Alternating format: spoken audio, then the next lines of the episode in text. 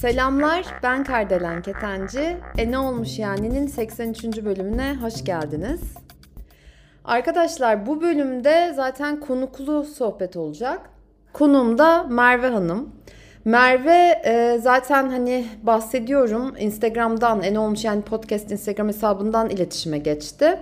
Ve değişik bir sohbet oldu. Zaten şimdi birazdan dinleyeceksiniz ve benim için de değişik bir deneyim oldu açıkçası onunla konuşmak.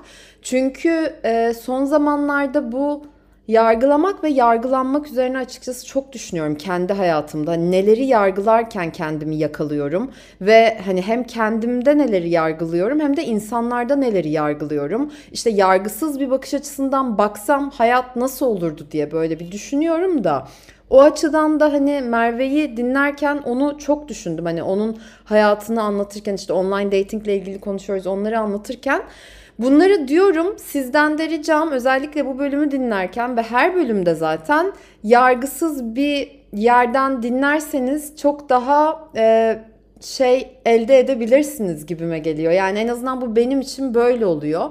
Her şey bir bakış açısı diye artık ben düşünüyorum. Ve bizim yargıladığımız her noktada aslında ilginç bir bakış açısından başka bir şey değil diye düşünüyorum. Bunu niyeyse bu e, yani son zamanlarda üzerine çok düşündüğüm için özellikle altın çizmek istedim. Onun dışında konuk olmak isteyen özellikle erkek arkadaşlarımızı sahneye davet ediyorum. Gelin sizler de içinizi dökün. Sizin de bir sorunuz varsa, aklınızda böyle anlatmak istediğiniz konular varsa, özellikle başkalarına fayda sağlayacağını düşündüğünüz belki bir anınız, yaşadığınız olay, hani belki aşamadığınız bir konu olabilir. Paylaştıkça ve başkaları da bunu duydukça size de çok iyi geleceğini de düşünüyorum. Hem bana hem size hem herkese. O yüzden çekinmeyin diyorum ve şimdi sizi 83. bölüm konuğum olan, konuğumuz olan Merve Hanım'la ve benle yani sohbetimizle baş başa bırakıyorum. Keyifli dinlemeler. Selam, nasılsın? İyiyim, sen nasılsın? Ben de iyiyim. Çok mersi. Ne var ne yok? İyi vallahi bugün Ankara'da biraz hava rüzgarlı ama e, baharın gelişi benim biraz yaşama sevincimi artırdı. Çok şükür kardan kıştan kurtulduk artık. Bu şekilde orada nasıl? Burada da Nisan ortasındayız şu anda zaten. Ee, yani bugün hatta kaç ayın? 11 Nisan.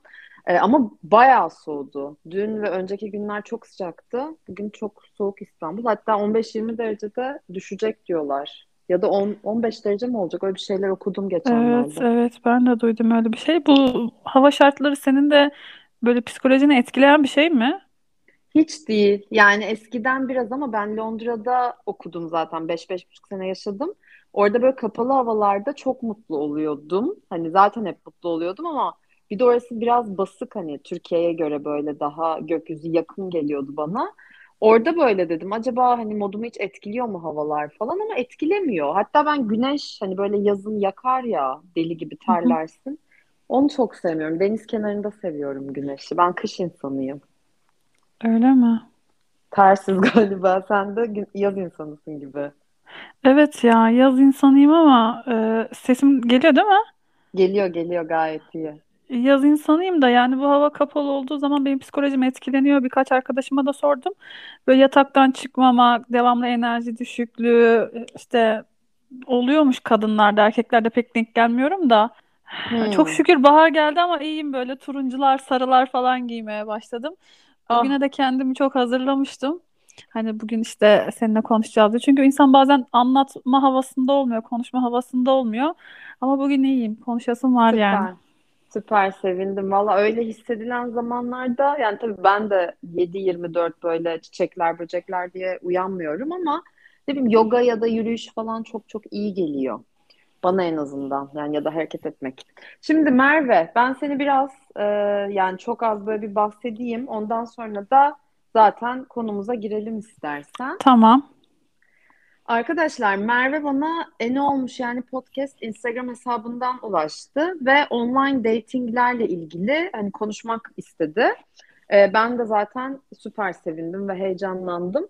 O yüzden bugün biraz online dating üzerine konuşacağız. Aslında hani artılarını, eksilerini, belki senin yaşadığın, hani demin biraz biz telefonda konuştuk, anılarını anlatmak istersin ya da yaşadığın komik ya da ne bileyim tuhaf olaylar da olabilir. Ee, o şekilde bir bölüm olsun istedik. O yüzden e, umarım dinleyen herkes de keyif alır diyelim.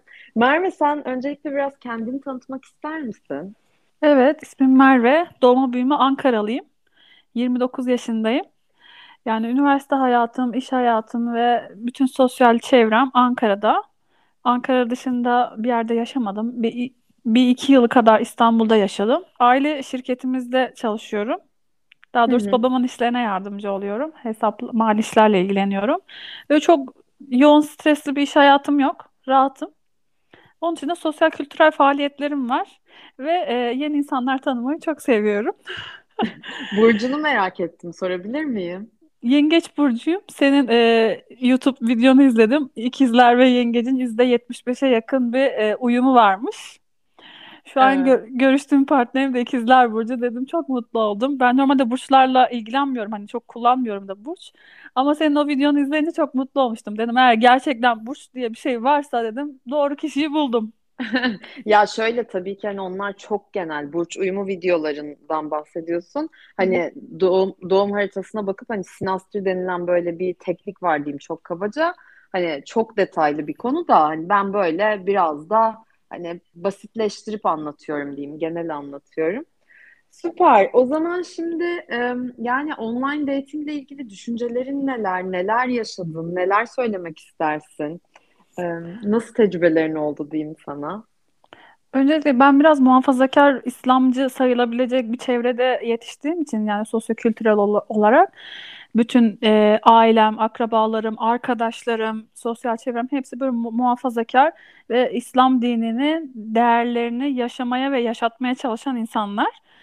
Yani o yüzden e, bu çevrede çok fazla e, kadın erkek ilişkileri normal karşılanmıyor. Erkeklerle oturup kalkmak, so- yani arkadaşlık kurmak, sohbet, muhabbet etmek, e, sosyal faaliyetlerde bulunmak çok ayıplanan bir çevrede yetiştim. Yani Hmm. ailem de o şekilde hani erkek bir kadının erkek arkadaşı mı olurmuş ya normal arkadaş olarak diyorum hani manita olarak da değil diyen insanlar böyle hep görücü usulü evlenen ya da f- flörtleşirken yanına üçüncü bir kişiyi alan bir çevre. Yani baş başa buluşmanın günah olduğunu, e, yanında bir üçüncü kişinin olması gerektiğini söyleyen bir çevrede yetiştim. E, onun dışında evlilik baskısı da olan da bir çevre. Yani evde kalma, evde kalma baskısı yapılan, artık yaşın geldi, evlen baskısı yapılan da bir çevre bu çevre. Tek Benim çocuk musun bu arada? Pardon yok merak. abim var, bir de ablam var. O evlendi, onlar da görücü usulü evlendiler. Yani ben onların da böyle kendi öz iradeleriyle evlendiklerini düşünmüyorum. Onlar da biraz sanki e, ailemin baskısıyla artık yaşın geldi baskısıyla. Hani şu mantık var. Genç yanlış işler yapma, yanlış işlerin peşine koşma, hataya, günaha düşme. Evlen. Hani helal yoldan ilişkini yürüt gibi bir bakış açısı var bu toplum benim içinde bulunduğum kültürde. Yani böyle zannediyorsun. Hep bu, bu çevrede büyüyünce he- herkes böyle hayat yaşıyor zannediyorsun. Diğer çevreye çok yabancı oluyorsun. Diğer e, seküler hayat yaşayan, daha özgür bir hayat yaşayan aileleri bilmediğin için he- herkes böyle bir hayat yaşıyor zannediyorsun. O zaman hayat çok güzel oluyor. Herkes böyle zannedince. Ama bir tık o mahallenin dışına çıkınca, aa ba- başka hayatlar da varmış ya. Bu insanlar farklı bir yaşam tarzı da varmış deyince insan orada bir küsüyor yani hayata. Ben niye böyle yaşayamıyorum? Ben niye böyle bir hayatım var? gibi bir varoluşsal sancıya girdim. Çok şükür yani şu an şu an yani hala o sancıyı çekiyorum. Çok ağır bir şekilde çekiyorum hem de. O varoluşsal sancı ben niye böyle bir hayata maruz kaldım? Çünkü maruz kalıyorsun. Sen böyle bir top böyle bir ailede büyüyüp böyle bir çevrede yetişince ben niye böyle bir ailede doğdum? Ben niye böyle Orta Doğulu bir toplumun içindeyim? Yani direkt varoluşunu sorguluyorsun. Psikolojik süreçlerden geçtim. Böyle üç tane antidepresan kullandığım bir Oo. dönemde oldu. Bunun üstüne bir de siyasi konjonktür et- e- e- eklenince yani içinde bulunduğumuz e, siyasi konjonktür de beni çok etkiledi. Sanki yani kendi ailem yetmiyormuş gibi Bir de tam tepeden ülkenin yani yönetiminden de bir baskı hissediyormuşum gibi oluyor sanki. Aslında şeyi söyleyeceğim. Bu dediklerin e, ben bir bölüm kaydetmiştim. Hatta bu bir iki bölüm önceydi. Yargıladığım kadar mı yargılanıyorumdu galiba hatta bölüm sorusu. Yani yargılanmak ve yargılamak üzerine de ben çok düşünüyorum da sen anlatırken yargılamadığımız ve kendimizi başta zaten yargılamadığımız dolayısıyla da hiç kimse kendini çok fazla hatta belki de hiç yargılamasa kimse kimseyi de yargılamazdı. E, böyle bir dünyada yaşamak nasıl olurdu? Bir onu mesela hayal ettim. Sen belki bu sorulara e, hiç sorma ihtiyacı bile duymazdın. Çünkü zaten kendin olabilirdin. Dolayısıyla da aslında belki de hani senin ve birçok insanın ve benim de e, sıkıntım diyeceğim buna tırnak içinde kendimiz olamamamızdan hani biz ne istiyoruz, biz e, nasıl bir seçim yapmak istiyoruz bunu sorma özgürlüğümüzün belki de elimizden alınmasından kaynaklanıyor diye düşünüyorum. Hani bunun işte dini, siyasi, senin ilişkilerin, aile yaşantı hani her şeyi kapsayan arkadaş seçimlerin bütün alanlara yayılıyor belki de. Evet, evet.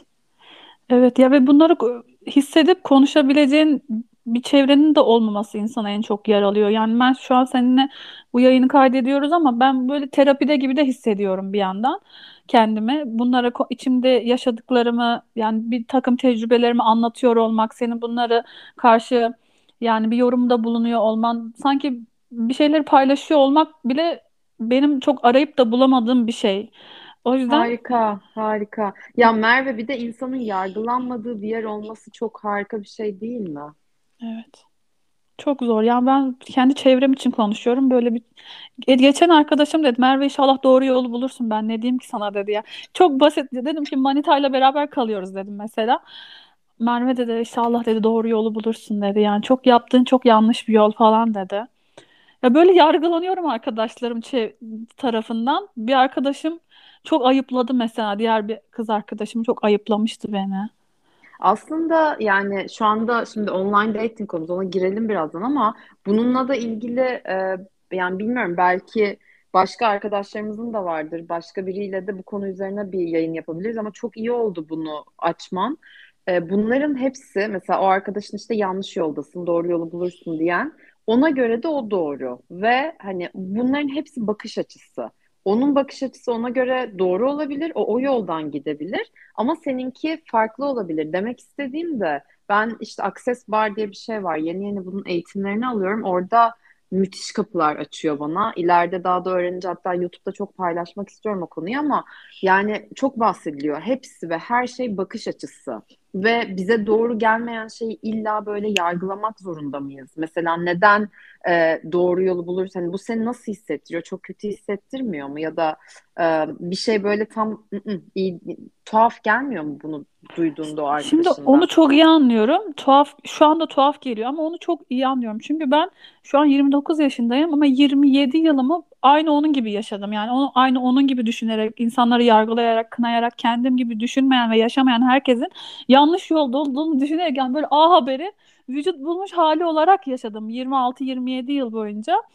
Ve şu an eskiye bakıp yaptıklarım, yazdıklarım, tweetlerime falan bakıyorum.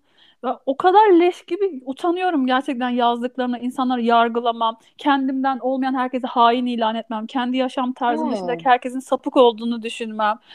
Ee, Onu çok iyi anlıyorum şu an ama bunu bu dönüşümü yaşamam benim 30 yılımı aldı. Gerçekten çok zor bir dönüşüm ve bu dönüşümü yaşadığın zaman bir sıkışıyorsun. Sıkışmış hissediyorum kendimi. Ne seni değiştirdi diye sormak istiyorum. Yani nerede hani böyle senin uyanışın oldu ya da senin farklılaşman nerede oldu diyeyim. Bunu ben çok fazla podcast dinliyorum. Kendi arkadaş çevremde olmadığı için bu bir dönem bu e, pandemi son 3 yıldır diyeyim.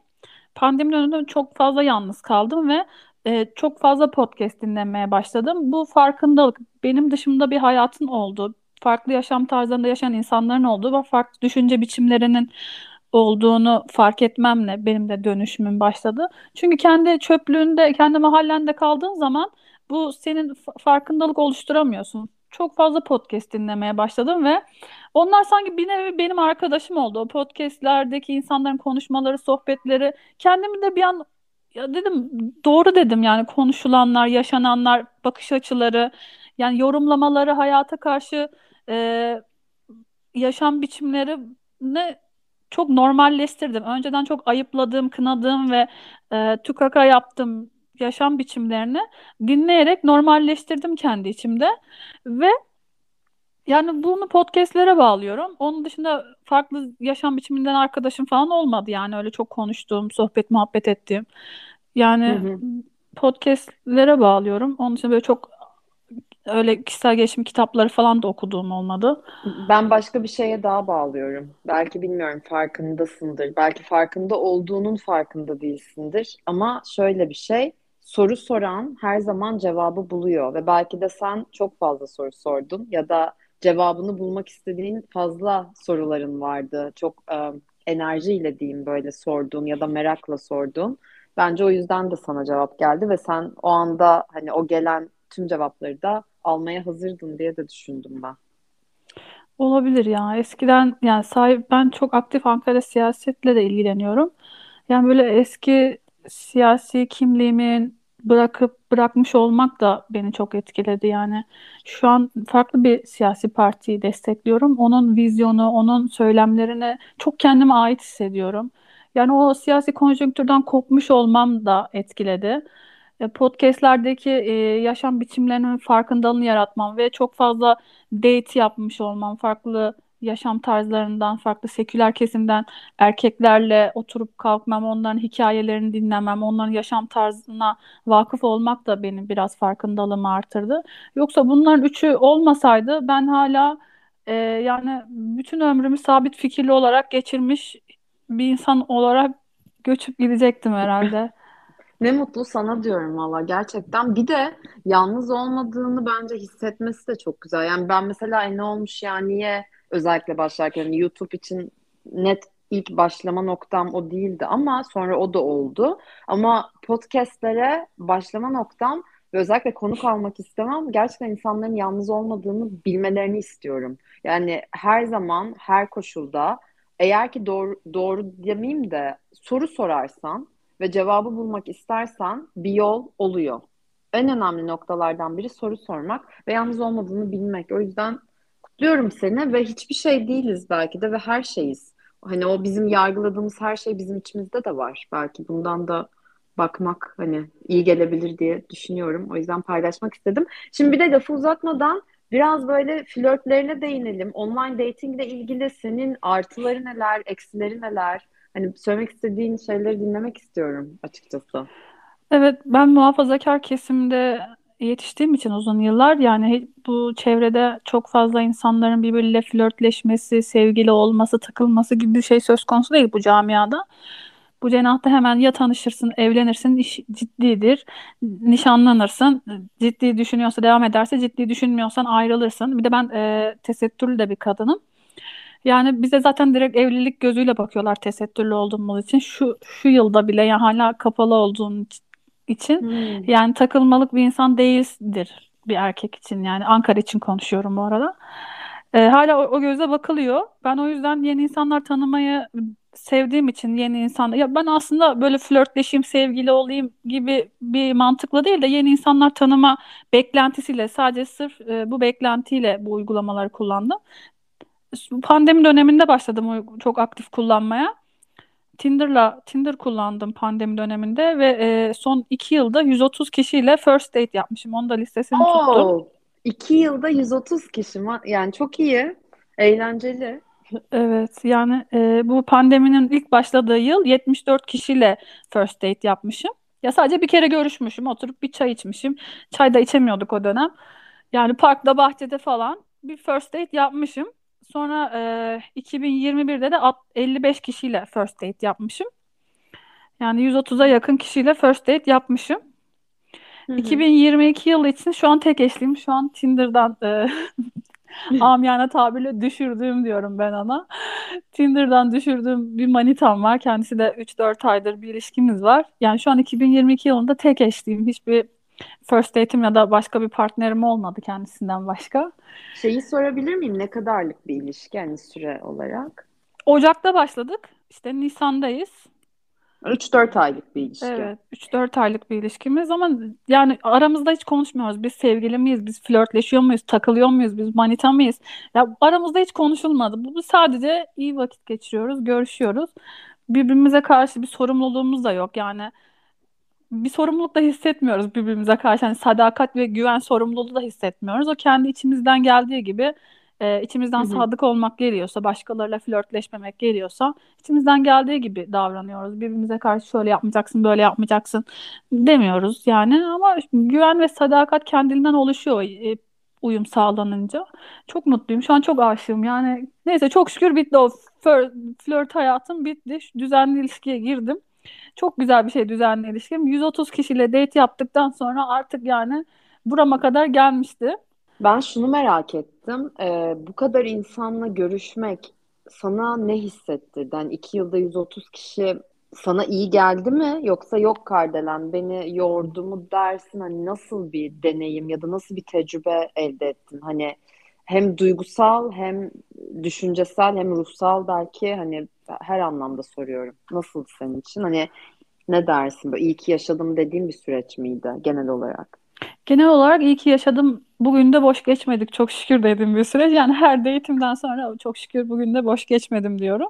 Yani o, o zaten bir yakın temasa falan geçmiyorum. Sadece o insanla bir kahve içip onun hikayesini dinlemek, onun tanışmış olmak, onunla bir so- hoş sohbet, muhabbet kurmuş olmak bana yetiyor. Özellikle yaz aylarında.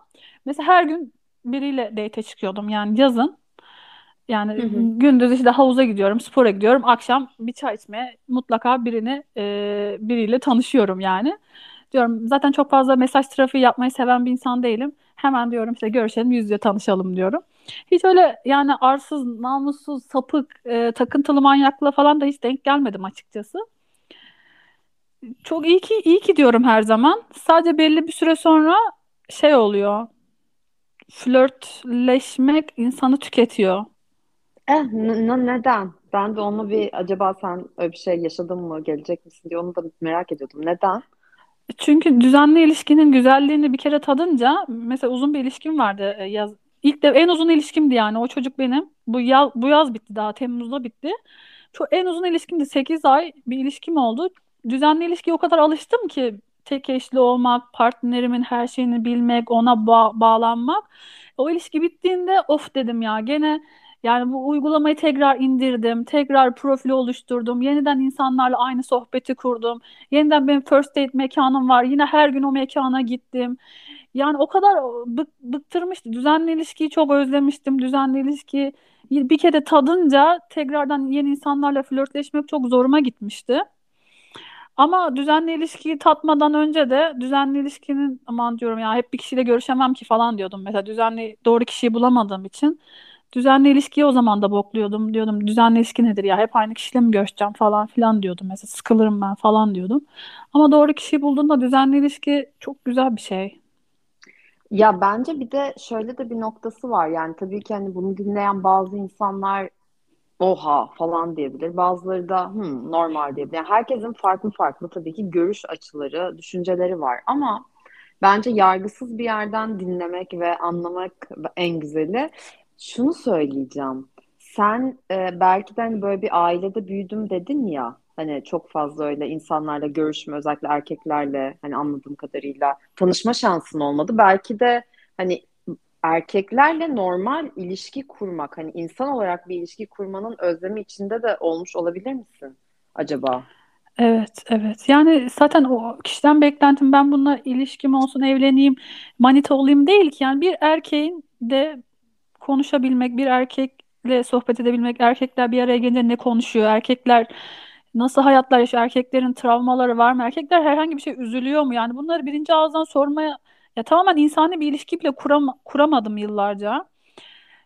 Bu çok ayıp bir şey ya. Bu bizim ailelerimizin yaptığı en büyük ayıp bu bence. Aramıza bir duvar örmek, erkek cinsiyle aramıza zorlaştırmak, kadın erkeklerin birbirine ulaşımını zorlaştırmak.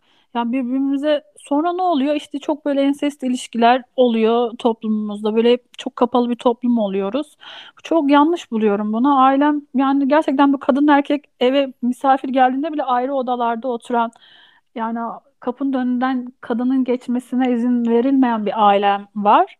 Hmm. Yani böyle imam hatiplerde oku- okutulmuş, e, görücü usulü evlendirilmiş, çok böyle harama helale dikkat eden bir ailem var. Çevrem de bu şekilde. Şu anda yeni tanıyorum gibi karşı cinsin yeni tanıyorum gibi erkek cinsinin yaşam tarzını, düşünce biçimini yeni tanıyorum gibi hissediyorum. Ben de sen anlattıkça ne kadar özgürleştirici olabileceğini e, düşündüm açıkçası senin için. Çünkü yani hayal bile edemedim kendim için. Çünkü yani tabii ki de farklı aile yapılarından geliyoruz E, ve zor olmalı diye düşündüm Çok bazı zor. açılardan. Gerçekten çok zor. Mesela benim arkadaşlarım var hala bu yaşam tarzını devam ettiriyor. Kanıksamış, içselleştirmiş ve bunu normalleştirmiş. Yani bunun, onlar için normal nasıl diyorum ya? Bir insan 30 32 yaşına gelip de hiçbir erkekle şöyle karşılıklı oturup bir çay içmez mi? Hiçbiriyle bir flörtleşmez mi? Bir selam sabah sormaz mı diyorum. Nasıl diyorum? Kız 32 yaşında hala bekar ve hiçbir date olmamış, hiç flörtü olmamış hayatında. Şöyle eline bir erkekle tokalaşmamış bile. Nasıl diyorum ya? Nasıl Bir de yani? Bir de Merve bunu söylüyorsun. Bir de işin diğer bir boyutu var. Atıyorum bir kadın ya da bir erkek diyelim cinsel yönelimi e, yani şey olmayabilir bir kadının erkek ya da bir erkeğin bir kadın olmaya da bilir. O durumda daha da zorlaşır bütün her şey böyle bir aile yapısında diye de bir aklıma geldi. Uf Allah korusun ya çok kötü. Ee, bir de senin vasıtanla şeyi de söylemek isterim. Ben dediğim gibi bu Access Bar diye bir e, alan var diyeyim. Onun eğitim yani çok yeni tanıştım ama sen de seçersen bir araştırmanı e, yani eğer ki seçersen isterim. Çünkü hani bu bahsettiğim bütün konular senin için çok daha kolaylaşabilir ve bunun kolaylaşabileceği yollardan biri bu. Hani kimisi işte ne bileyim meditasyon yapar, Kimisi bilmiyorum Reiki eğitimi alıyor, işte psikolojiye meraklı olanlarımız var. Yani herkes için bu farklı ama Access Bar benim hayatımda çok bambaşka bir kapı açtı. Ben geçen konuştuğumuzda onu bir araştırdım. Hemen böyle ekşi sözlüğe girdim. YouTube videolarını falan izledim. Ha, bahsetmiştim telefonda değil mi? Evet yani çünkü Hı. e, benim de rahatsızlığım var biliyorsun. Onun ondan artık kurtulmak istemiştim. Araştırdım işte beyin dalgalarına, beyin beyne titreşim vererek beyin dalgalarını yönlendiren bir bilimsel bir açıklaması olduğunu okudum. Yani böyle bir şey, böyle bir eğitim varsa çok iyi olur. Çok, çok inancım da yok açıkçası ya. İnan, o kadar inancımı yitirdim ki bir şey İnanman tutunacak. gerekmiyor. İnan, bölüyorum ama ne inanman gerekiyor ne de niyet etmen gerekiyor. Gereken tek bir şey var, o da seçmek. Evet, evet. En azından denemek istiyorum yani. Denemek Çok yol istiyorum. açabilir, çok kapı açabilir. Yani çünkü ben hayatımda, ben de 34 yaşındayım. E, bu yaşıma kadar çok e, yani dibe vurduğum çok zaman oldu. Çok şeyler e, kendimce yaşadım. Herkesin tabii yaşadıkları kendine. Ama e, böyle bir şeyle tanışmak beni e, nasıl bunu kelimelere dökmekte zorlanıyorum. Ee, böyle bambaşka bir evren var. Hani bu dünyadayız ama atıyorum mesela Venüs'te de yaşam mümkünmüş. Ve ben bunun farkında değilmişim. Nasıl olur? Gibi bir e, yere yöneltti. Hani öyle söyleyebilirim. O yüzden senin de böyle arayışların, soruların cevabını bulamadığın ya da sıkıl, sıkışmışlığın varsa bunlara çok iyi gelebileceğini düşündüğüm için yine söylemek istedim sana. Evet çok teşekkür ediyorum. Şu an internette bununla ilgili çok bir bilgi bulamadım. Sen buna bir öncelik öncülük edip yani bununla ilgili detaylar veren bir podcast ya da YouTube videosu hazırlarsan çünkü bir çıkış arayan bir ta- yani bir çıkış arayan benim gibi çok insan olabilir. Denemek isteyen. Ee, deneriz yani böyle detaylı bir video ya da eğitimler nasıl oluyor, nasıl bitiyor bunlarla ilgili bir e, yönlendirme yaparsan. Ben evet bir video çekeceğim yakın zamanda. Ee, YouTube'dan büyük ihtimalle ilk yayınlarım. Belki podcast yani Enom Şen'de de ele al alırım. Bakalım tabii ki de yaparım. Şimdi o zaman biz e, flörtlerinle ilgili yani online dating e, üzerinden e, herkesle tanıştım neredeyse demiştin. Evet. E, artı ve eksileri olarak hani neler var desem sana eksileri biraz o zaman beni yıpratıyor dedin bir süre sonra. Eksileri e, şöyle Ankara özelinde konuşuyorum. Birinci en büyük eksisi Ankara'da herkes birbirini tanımaya başlıyor. Yani bir mesela o Cupid'den engelliyim şu an. Engelledi uygulama beni. Niye? Bilmiyorum ya. Happen, Happen'la o Cupid beni engellemiş. Yani engelledi. Allah. Telefon numaramı girerek üye olamıyorum, kullanamıyorum. Ya çok fazla aktif kullandığım için çok fazla engel de atıyorum insanlara. Biraz da imla kurallarına karşı bir hassasiyetim var. İmla kurallarını kullanmayanları falan hemen engelliyorum. Oradan engelleyeyim. Ve devamlı Ankara'da artık Tinder'da gördüğün herkesi diğer uygulamalarda o Cupid'de, Instagram'da, Twitter'da bile ya o Tinder'dan tanıştığım bir insan Twitter hesabımın altına yorum yapmış. Aa senin profilini Tinder'da gördüm diye. Yani artık Hmm. herkes birbirini o kadar tanıyor ki bu en olumsuz özelliği. Ben Tinder'da tanıştığım insanlarla yüz yüze bile yani e, siyasi e, platformlarda, toplantılarda bir araya geliyoruz. Birbirimize Tinder'dan flörtleşmişiz ama kimse bunu çaktırmıyor. Hiç konuşulmuyor mesela o. Aa. Ya Çok toplan olmuş. toplantılarda devam denk geliyorum. Mesela iki Facebook'tu. O zamanlar Facebook'tan flörtleşmiştim o iki çocukla. Toplantılarda devam aynı toplantıdayım mesela. Hiç kimse konuşmuyor. Ya da Tinder'da geçen oldu daha. Daha bir buçuk yıl önce Tinder'dan flörtleşmişiz. Toplantımıza gelmiş çocuk. Diyor ki ben sizi Instagram'dan eklemek istiyorum diyor. Söylüyorum kullanıcı adımı. Engellemişim. Kullanıcı adım çıkmıyor.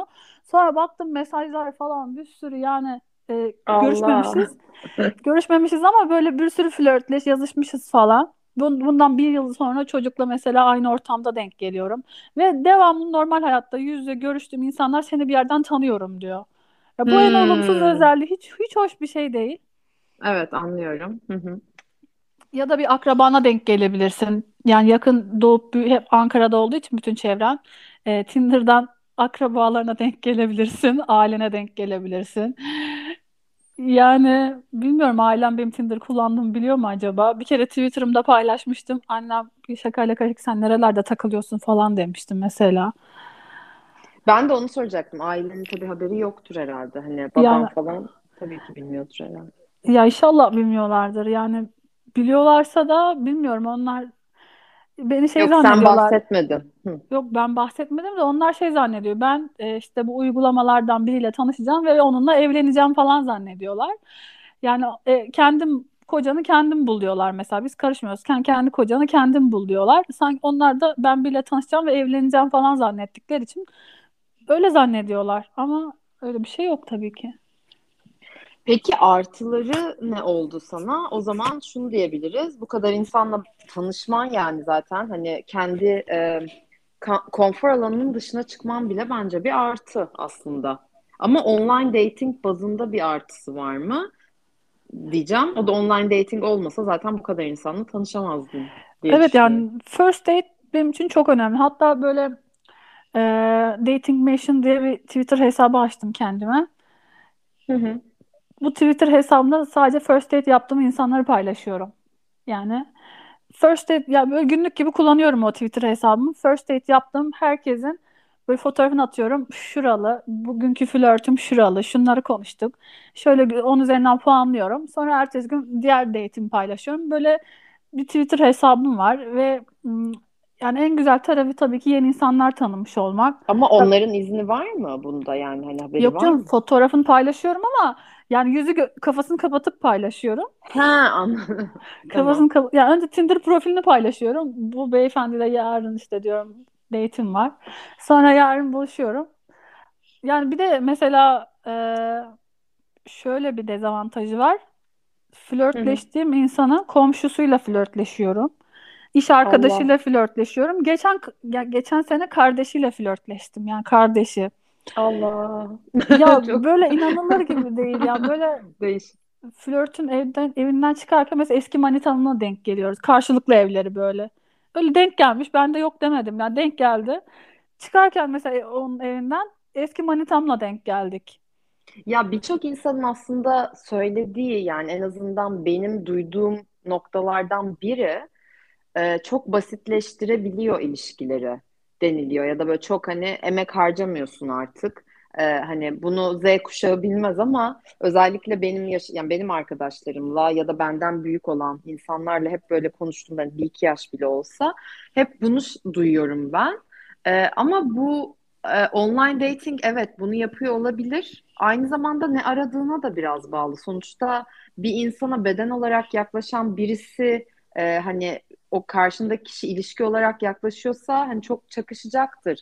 Hani neyle yaklaştığın o kişiye de çok önemli. Tam sağa sola işte e, sevdim, sevmedim, beğendim, beğenmedim yapmak evet biraz yani bence de çok e, basite indirgiyor. Hani orada karşında insan yok, ekran var sonuçta. Hani eskiden böyle miydi? Değildi. Ama e, orada bile aslında nasıl davrandığın, nasıl yaklaştığın, e, nasıl cümleler kurduğun önemli. İlla online bir ortam diye sen orada yani çok kaba yaklaşırsan e, o zaman kendi kaliteni de ortaya koymuş olmuyor musun? Ben öyle düşünüyorum en azından. Ya dedikleri doğru. Ee, ama niyetin önemli. Sen her karşılıklı niyetini belli ediyorsun. Hani hangi amaçla kullanıyorsun? Ben diyorum yeni insanlar tanımak. Karşımdaki insan diyorsa ki ben takılmak için kullanıyorum ya da tek gecelik partner arayışındayım ya da düzenli bir ilişkim olsun istiyorum. Ya da ben de yeni insanlar tanımak istiyorum. Ankara genelde memurlar geliyor. İşte şehir dışına buraya e, iş için gelen insanlar hiç sosyal çevresi olmayan insanları tercih ediyorum genelde. Hiç arkadaş olmuyor. Sosyalleşme ihtiyacı oluyor. Yeni insanlar tanıma ihtiyacı oluyor. Ben de 30 yıllık Ankaralı olduğum için doğru bir tercih oluyorum onlar için. Niyetleriniz uyuşuyorsa hiçbir beklentin olmadan görüşüyorsun ve ayrılıyorsun. Çok Hı iyi. hı. Yani ben zaten first date'in üstüne geçmiyorum. İkinci, üçüncü buluşmaları genelde yapmıyorum. Çok iyi eğlendiysem, çok iyi vakit geçirdiysem iki üç yapıyorum. Biraz da kişinin niyetine ne beklediğine, ne talep ettiğine bağlı. Evet, evet. Aslında sana biraz da hani böyle anıların var mı komik falan diye sormak istiyordum ama çok uzasını da istemiyorum. Senin böyle özellikle ah şunu da anlatayım dediğin bir anın varsa ama kısaca anlat istersen sonra da yavaştan sonlandıralım yayınımızı. Evet, eee, Ya da ben eklemek istediğin başka bir şey varsa hani o da onu da sormuş olayım. Ya söylediğim gibi yani date yaptığım insanlarla e, normal günlük hayatta denk geldiğim bir siyasi bir toplantıda denk geldiğim oldu. Onu anlattım. Böyle çok travmatik e, nişanlısından çok travmatik bir şekilde ayrılıp first date yaptım ve sonra böyle aşık olduğum bir çocuk olmuştu. Ama yani ondan mesela terk edilmiştim ben eski sevgilimi unutamadım diye. Terk ya aşık da olunabiliyor bu arada yani şey yapıyorsun ama flörtleşiyorsun ama işler kendi akışında çok iyi anlaşabiliyorsun, aşık olabiliyorsun. Ya mesela bir tane date'im olmuştu. Hı hı. Çocuk benimle görüşmek istemiyordu. Ben mesela çok istiyordum onunla görüşmek. Benim psikolojim bozuk. Yani libidom düşük diyordu. Mesela benimle görüşmüyordu. Ya da bakayım aldığım notlara işte er- erkek kardeşiyle takıldığım olmuştu. Yani sevgilimi, eski sevgilimi erkek kardeşine denk geldim. Onunla ta- takıldım. Eski sevgilinin bundan haberi oldu mu peki? Eski sevgilim asla bundan haberi olursa var ya ya o çok değişik bir insandı. Böyle biraz Orta Doğu kafasında bir insandı. Orta Doğulu bir insandı. Yani çok korkarak şey yaptım ama onu, onu da deneyimlemiş oldum. Hmm. Aa ben çok ha söylemeyi unuttum. Ben bir de PUBG'den benim manitam oldu ya. PUBG'den tanıştığım manitam O oldu. nedir? Ben onu bilmiyorum. PUBG PUBG. diye bir oyun uygulaması var. Böyle e, sesli bir şekilde hı hı oyun hı. oynuyorsun. insanları vuruyorsun, helikopteri biliyorsun, silah falan kullanıyorsun. Ben çok aktif bir oyunu oynuyordum. Günde 3-4 saat oynuyorum yani oyunu. Devamlı oradan tanıştığım, ekip olduğum ve devamlı her gün oyuna girdim biriyle bir yıla yakın uzak mesafe ilişkim oldu. Yani toplamda 10 kere anca görüşmüşümdür. Bir yıla yakın böyle uzak mesafe ilişkim oldu. Onu da deneyimledim. PUBG'den. Manita Hmm. yaptım yani. Ben anladığım kadarıyla sen e, böyle deneyim kazanmak istiyorsun, istedin. Yani tabii ki böyle bir çevreden çıkınca çok fazla hani bunların hepsi böyle şey gibi duyuluyor. Ben onu aldım senden. Ben deneyim istedim. Yani ben bu, bu nasıl bir şey görmek istedim, bilmek istedim, tanımak istedim. O yüzden hani bu yaptığın anlayabiliyorum seni. Hani bayağı böyle içinde insan tanıma hevesi vardı gibi algıladım ben. Evet, mesela bunun kendim mahallem var, kendi oturduğum mahalle. Böyle hı. çok beğendiğim bir yerleşim birimi var. Böyle çok beğeniyorum orayı. Ya diyorum buradan niye kimseye denk gelemiyorum diyorum. Ya böyle hep önünden geçtiğimde ulan diyorum şurada hiç mi bekar adam yok diyorum buradan diyorum. Biriyle flörtleşsem dediğim adamla şu an 3 aydır beraberim mesela. Wow, ne Ya güzel. inanılır gibi değil. Bu, bu çocuğun evinin her önünden geçtiğimde ulan buralar nasıl yerler, ne güzel yerler falan diyordum böyle kendi kendime. Hiç mi bekar adam yok falan diyordum. O adamla şu an 3 aydır beraberim. Ya da muhit belirliyorum kendi kendime. Ulan şu şu semtten kimseyle flörtleşmedim ya da şu meslek grubundan kimseyle tanışmadım diyorum. Ya bunları deneyim olarak herhangi bir değer yargım yok da deneyim olarak Anladım, tanımak istedin hepsini. Peki e, sen e, önerir misin? Yani böyle bir e, belki senin gibi bir aile, yani senin gibi dediğim kapalı bir aile yapısından gelen biri belki hiç bunları dene, deneyimlememiş. Yani tabii ki bu kadar belki insanla tanışmak değil de en azından hani online datingi ya da herkese diyeyim. Online datingi denemeyen varsa bir denesin der misin? Yoksa yo gerçek hayatta tanışmak çok daha iyi mi dersin? Senin bu konudaki yorumun nedir? Online dating, programlarını tavsiye ediyorum şiddetle. Herkesin kullanması gerektiğini söylüyorum. Yüz yüze tanıştığınız insanlar dahi size zaten Instagram üzerinden ulaşıp açılıyorlar. Yani ben yüz yüze tanıştığım çok insan, sosyal hayatım da çok aktif olduğum bir sosyal kültürel hayatım var ama hepsi yine bana Instagram üzerinden ya da e, konuşmayı yine yüz yüze yapmıyor o insanlar. Yine Instagram üzerinden benimle samimiyet kurmaya çalışıyorlar. Ben kendimce hı. bir takım kriterler belirledim. Bu kriterlerim ne? Belli muhitlerin muhitlerde oturan insanlarla flörtleşmiyorum. Dil bilgisi kurallarına uymayanlarla flörtleşmiyorum. Biraz da eğitim seviyesine önem veriyorum. Ee, onun dışında böyle kısa paça nargileci tayfa var bizim bir de Ankara'da. Böyle Hı çok hı. spor arabalarla takılan, herhangi bir eğitim uzmanlık alanı olmayıp tamamen siyasi yollarla, e, networkleriyle, bağlantıları sayesinde bir şekilde e, emlakçılar, işte galericiler falan bu tarz insanların da mesela kadınlara bakış açısından hoşlanmıyorum. Biraz daha Orta Doğu kafasına sahip oluyorlar. Kibar. Anladım. Ben ben pardon bölüyorum da aslında genel olarak hani sen önerir misin diye sormuştum. Çünkü şöyle bir şey oluyor. Sen kendi doğrularını söyledikçe onlar okey ama senin doğruların belki diğer insanların doğruları da hani herkesin tabii ki bakış açısı. Daha doğrusu seninki kendi bakış açın. Herkesin bakış açısı kendine ya. O yüzden hani genel hatlarıyla böyle önerir misin diye sormak istedim. Sen de öneririm diyorsun. Yani Evet, evet. Kriter tamam. belirlemek şartıyla öneriyorum kendilerine. Yani herkesle ya bunu çok önemsiyorum. Herkesle konuşulabilir, herkesle flörtleşilebilir gibi bakmayacaklar. Belirli kriterler olacak ve o kriterler doğrultusunda insanlarla e, flörtleşecekler. Herkesle first date yapamayız. Bu şekilde. Anladım. O zaman ben e, öncelikle e, benim yorumum da bu arada yani tabii ki de bu online dating uygulamalarından mutluysanız hani bir denemek istiyorsanız ben de deneyin derim. E, ama dikkatli olun. Yani sonuçta e, bir de bu sahte profiller falan da oluyor. Yani bu online olan her alemde aslında bu var. Onlara dikkat edin derim. E, onun dışında da yani herkesin bakış açısı da kendine. Ee, yani sen mesela işte bir muhitten uzak durun derken başkası o, yani o muhit tercihi de olmayabilir. Hani şu anda aklıma o geldi ama e, herkes nasıl rahat ve iyi hissediyorsa o şekilde ilerlesin derim. Ben sadece normalleştirelim de istiyorum. Sonuçta hani bunu böyle yargılarsak da e, yani ben böyle yargılama konusunda fazla takıldım bu ara. Bunun üzerinde çok düşünüyorum. Buna gerek yok ya da buna bir direnç göstermemize de gerek yok. Artık bu teknoloji dünyasında bir gerçeklerinden biri. Online flört, online dating var. Buna da karşıysak eğer belki neden karşıyız bunu da bir düşünebiliriz diyorum. Merve konuk olduğun için, kendi hayatınla ilgili paylaştığın için, deneyimlerinden, bakış açılarından bahsettiğin için de çok teşekkür ediyorum sana. Senin eklemek istediğin bir şey var mıdır son olarak? Yok, ben de çok teşekkür ediyorum her şey için. Beni e, konuk aldığın için de çok teşekkür ediyorum. Ayrıca ben şey de öğrenmek isterim. Hani senin bakış açın nasıl, kullanıyor musun? Sen nasıl flörtleşmekten hoşlanıyorsun? Yani nasıl siz sizin daha seküler bir hayat yaşam tarzı süren insanlar nasıl bu işleri e, insan ilişkilerini yürütüyorlar, kadın erkek ilişkilerini? Bunu da merak ediyorum yani açıkçası. Hı hı. Ben şöyle söyleyeyim, yani ben online uygulamaları tabii ki de kullandım. Ee, ama mesela kullanmışımdır bir uygulamayı, sonra hoşuma gitmemiştir genel olarak. Ee, mesela seneler önce işte bu Tinder vardı. Hani ben yani hala var ama atıyorum 6 sene 7 sene önceydi.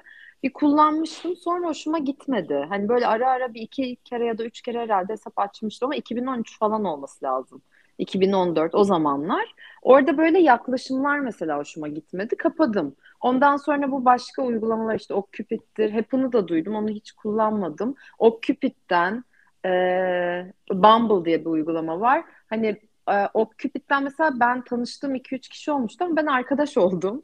Ya böyle ben de çünkü tanımak istiyordum. Hani benim e, böyle flörtleşip tanımaktı önceliğim. O yüzden hatta hani hala görüştüğüm e, bir iki arkadaşım var oradan. Hayatımda yani çok güzel bir hatta şu an yani uzun zamandır ilişkisi olan. E, değişiyor hani sadece online datingle tabii ki değil ama online datingin hayatımda yer aldığı zaman zaman dönemler oluyor. Bazen bir yıl, iki yıl hani e, ilişkim olmasa da hiç kullanmadığım da oluyor. Bazen aklıma geliyor, kullanayım. O yüzden hani aslında biraz akışa da bağlı. E, mesela yurt dışında hiç bir uygulama kullanmadım. Ben de onu merak ediyorum. Acaba yurt dışında biriyle hani gittiğimde flört etsem uygulamadan falan nasıl olur? Bunu düşündüm mesela son zamanlarda. Öyle yani ama karşı değilim ben hiçbir şekilde. Sonuçta herkesin kendi hayatı ve hep bakış açılarıyla alakalı. Kendisi nasıl mutluysa öyle olsun diyorum. Ben de işte ara ara kullanıyorum diyebilirim kabaca. Peki, tamam. Teşekkür ediyorum. Ne demek? Rica ediyorum. O zaman burada sonlandıralım. E, haftaya bambaşka bir bölümde görüşmek üzere diyelim. Sevgiyle, neşeyle, coşkuyla kalın diyelim. Sana da tekrardan Merve çok teşekkür ediyorum. Görüşmek üzere. Görüşmek üzere.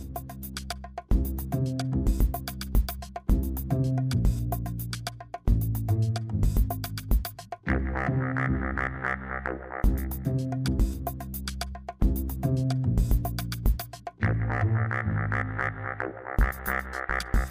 I'm